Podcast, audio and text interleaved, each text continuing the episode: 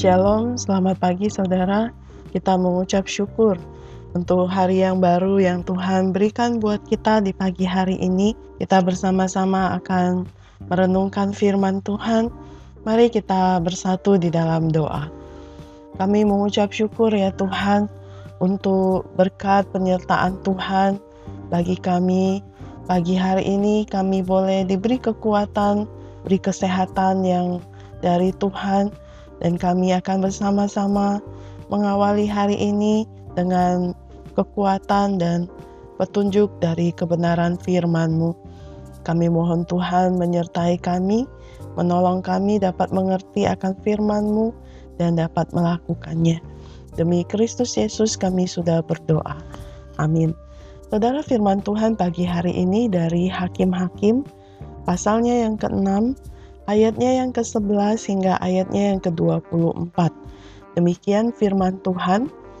Kemudian datanglah malaikat Tuhan dan duduk di bawah pohon tarbantin di Ofra, kepunyaan Yoas, orang Abieser itu. Sedang Gideon anaknya mengirik gandum dalam tempat pemerasan anggur agar tersembunyi bagi orang Midian. Malaikat Tuhan menampakkan diri kepadanya dan berfirman kepadanya demikian.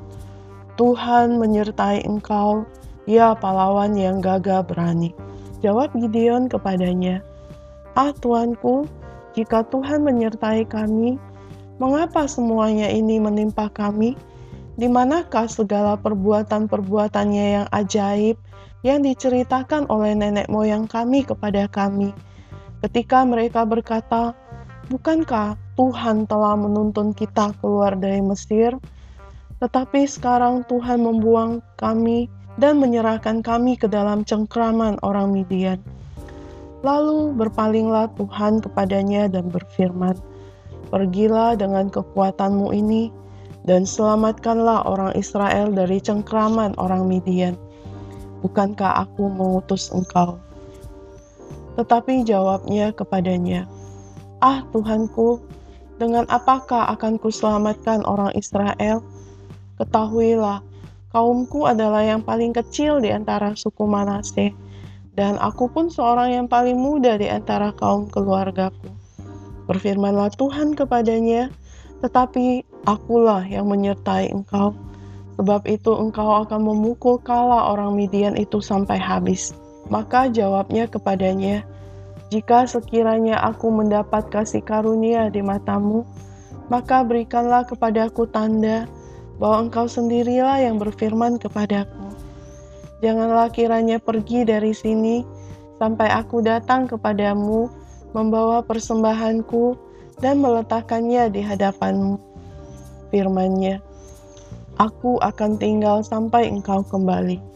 Masuklah Gideon ke dalam, lalu mengolah seekor anak kambing dan roti yang tidak beragi dari seeva tepung Ditaruhnya daging itu ke dalam bakul dan kuahnya ke dalam periuk. Dibawanya itu kepadanya ke bawah pohon tarbantin, lalu disuguhkannya. Berfirmanlah malaikat Allah kepadanya, Ambillah daging dan roti yang tidak beragi itu, letakkanlah ke atas batu ini dan curahkan kuahnya.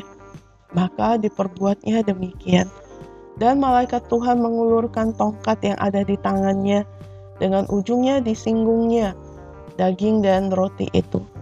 Maka timbullah api dari batu itu dan memakan habis daging dan roti itu. Kemudian hilanglah malaikat Tuhan dari pandangannya. Maka tahulah Gideon bahwa itulah malaikat Tuhan. Lalu katanya, Celakalah aku, Tuhanku Allah, sebab memang telah kulihat malaikat Tuhan dengan berhadapan muka tetapi berfirmanlah Tuhan kepadanya, Selamatlah engkau, jangan takut, engkau tidak akan mati.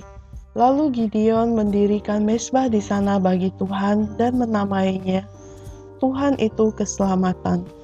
Mesbah itu masih ada sampai sekarang di Ofra, kota orang Abiezer. Sampai sejauh demikian pembacaan firman Tuhan. Saudara, tema renungan kita pagi hari ini adalah kekuatan mengikuti ketaatan. Saudara, jika Tuhan berkata, Aku mencari seorang untuk membantuku mencapai rencana dan memenuhi tujuanku. Apakah Anda merasa memenuhi syarat? Tidak banyak dari kita akan mengangkat tangan. Saudara, mungkin kita merasa saya tidak memenuhi syarat. Namun nyatanya Allah tidak selalu memanggil orang yang pintar dan berkualitas di mata manusia. Namun Tuhan juga memanggil orang yang lemah. Ketika malaikat Tuhan datang memanggil Gideon untuk menjadi pemimpin tentara Israel. Gideon sedang bersembunyi di tempat pemerasan anggur untuk mengirik gandum. Ia begitu takut musuh-musuhnya datang merampas makanan dan mungkin bisa membunuhnya. Malaikat Tuhan menyapa dan menyebutnya pahlawan yang gagah berani. Kita bisa membayangkan Gideon menengok ke kiri dan ke kanan dan bertanya, "Apakah engkau berbicara kepada saya?" Masakan seorang pahlawan gagah perkasa bersembunyi dari musuh. Saudara, Allah tidak melihat seperti kita melihat. Kita cenderung melihat berdasarkan kekuatan dan kemampuan sendiri. Tetapi Allah melihat apa yang bisa kita capai bersamanya di dalam kekuatannya.